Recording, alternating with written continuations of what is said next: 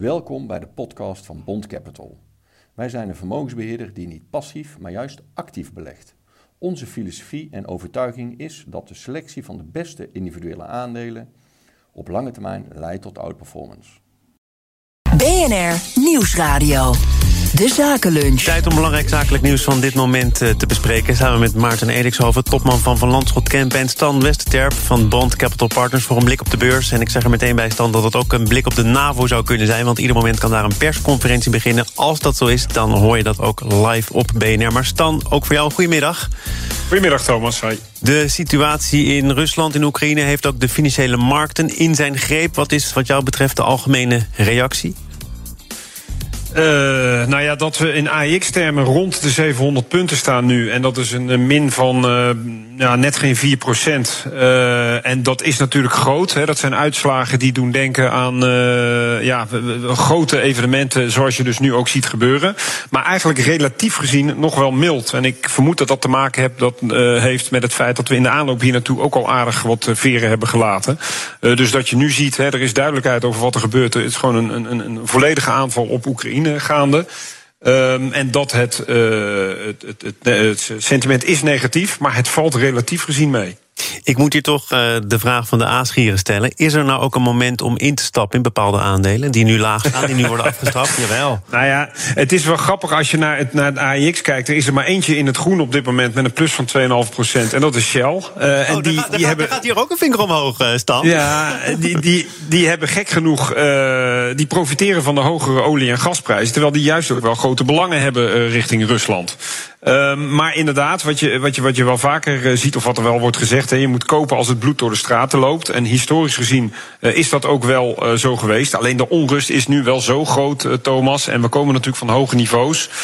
dat even langs de zijlijn blijven zitten en rustig afwachten. Dat dat, dat dat denk ik wel het beste adagium is. Maar voor de echte mensen die, die, ja, die niet kunnen laten van een gokje wagen, zou ik zeggen, kijk eens naar de Russische beurs. Want die is middag gehalveerd sinds deze hele problematiek is gestart. Daar mag, daar mag ook niet meer gehandeld worden, toch Stan? Nee, dat is inderdaad met beperkte mogelijkheden. Je moet überhaupt afvragen of met die aankomende sancties... of je straks je geld nog terug kan halen daar. Dus ik zeg ook al voor de mensen die, uh, die, die ja, veel, uh, veel avontuur willen opzoeken. Uh, de vinger die omhoog ging hier in de studio kwam van Maarten. Van Landschot, oh, we gaan naar de NAVO. Nog niet, maar uh, ieder moment kan dat, zo, kan dat gebeuren. Maarten, de vinger die omhoog ging, dat heeft te maken met het feit dat jullie ook een plus noteren, neem ik aan. Ja, en Stan heeft natuurlijk gelijk. Hij had het over de AX. Wij staan op de small cap index. En uh, daar zijn wij ook een, een groen, wat, een groen lichtpuntje in een dieprode, in de dieprode zee. Ja, is er nog iets uh, bedrijfsmatig dat je in de gaten moet houden met deze situatie? Je, je gaf al aan, we leven mee met uh, de mensen daar, Oost-Europa, ook gezien je eigen arbeidsverleden. Maar is er vanuit uh, Van Landschot, we gaan nu wel naar de NAVO, live, persconferentie. Good afternoon. Russia has attacked Ukraine. This is a brutal act of war.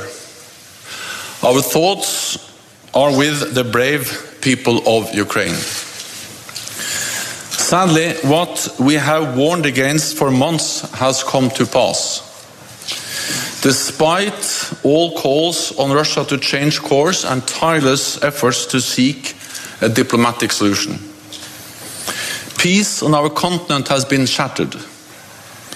We now have war in Europe on a scale and of a, and of a type we thought belonged to history. We have just finished a meeting of the North Atlantic Council to discuss the situation. The Council also addressed the request by Bulgaria, the Czech Republic, Estonia, Latvia, Lithuania, Poland, Romania, and Slovakia to hold urgent consultations under Article 4 of the Washington Treaty. This is a grave moment for the security of uh, Europe. Russia's unjustified and unprovoked attack on, Ukraine's, on Ukraine is putting countless innocent lives at risk. With air and missile attacks, ground forces and special forces from multiple directions, targeting military infrastructure and major urban centers. This is a deliberate, cold blooded, and long planned invasion.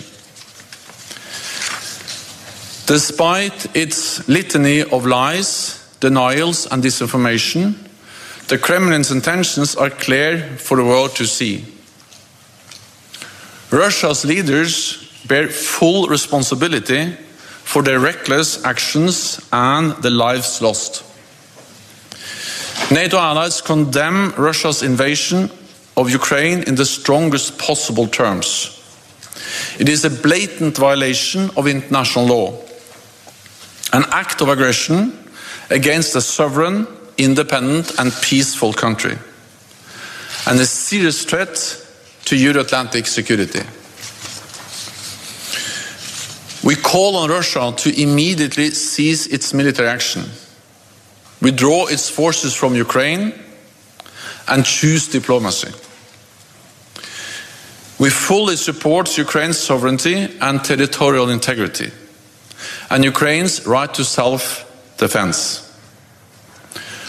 Russia is using force to try to rewrite history and deny Ukraine its free and independent path. NATO's core task is to protect and defend all allies. There must be no room for miscalculation or misunderstanding. An attack on one will be regarded as an attack on all. This is our collective security guarantee. Today, the North Atlantic Council decided to activate our defense plans at request of our top military commander, General Tod Wolters. This is a prudent and defensive step to protect and shield allied nations during this crisis. And it will enable us to deploy capabilities and forces, including the NATO response force, to where they are needed. In response to Russia's massive military buildup, we have already strengthened our collective defense on land, at sea, and in the air. In the last weeks, allies from North America and Europe have deployed thousands or more troops to the eastern part of the lines and placed more on standby. We have over 100 jets at high alert protecting our airspace and more than 120 allied ships at sea from the high north to the Mediterranean. All this shows that our collective defense commitment, Article 5, is ironclad. We will continue to do whatever is necessary to shield the alliance from aggression. I have called a virtual summit of NATO leaders tomorrow to address the way forward. Russia is now facing severe costs and consequences imposed by the whole international community. The Kremlin's aim is to re establish its sphere of influence, rip up the global rules that have kept us all safe for decades, and subvert the values that we hold dear. This is the new normal for our security. Peace cannot be taken for granted. Freedom and democracy are contested by authoritarian regimes. And strategic competition is on the rise. We must respond with renewed resolve and even stronger unity. North America and Europe together in NATO. We are an alliance of 30 democracies standing as one.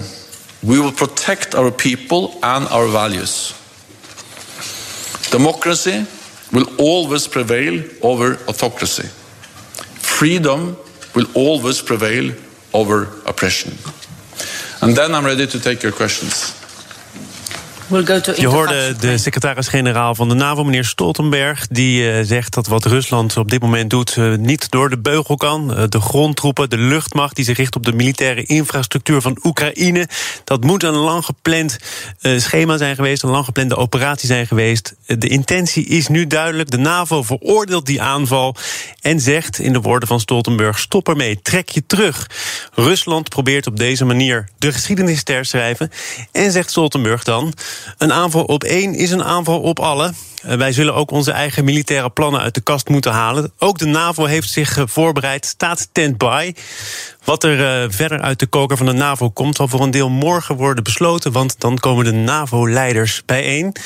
Stoltenberg sluit af met te zeggen dat vrede niet vanzelfsprekend is en dat de NAVO de mensen en de democratie zal beschermen. Waarover ook in de loop van deze dag heel veel meer. Voor nu bedank ik eh, Stan Westerterp. Zometeen een uitgebreid gesprek over de resultaten van Van Landschot Kempen. En zometeen de nieuwsupdate van Jan het Adelsen. BNR Zaken doen wordt. Bedankt voor het luisteren naar onze podcast. Wilt u meer weten over Bond Capital? Kijk dan op onze website www.bondcapital.nl. Indien u wilt worden gebeld, mail dan naar podcast.bondcapital.nl.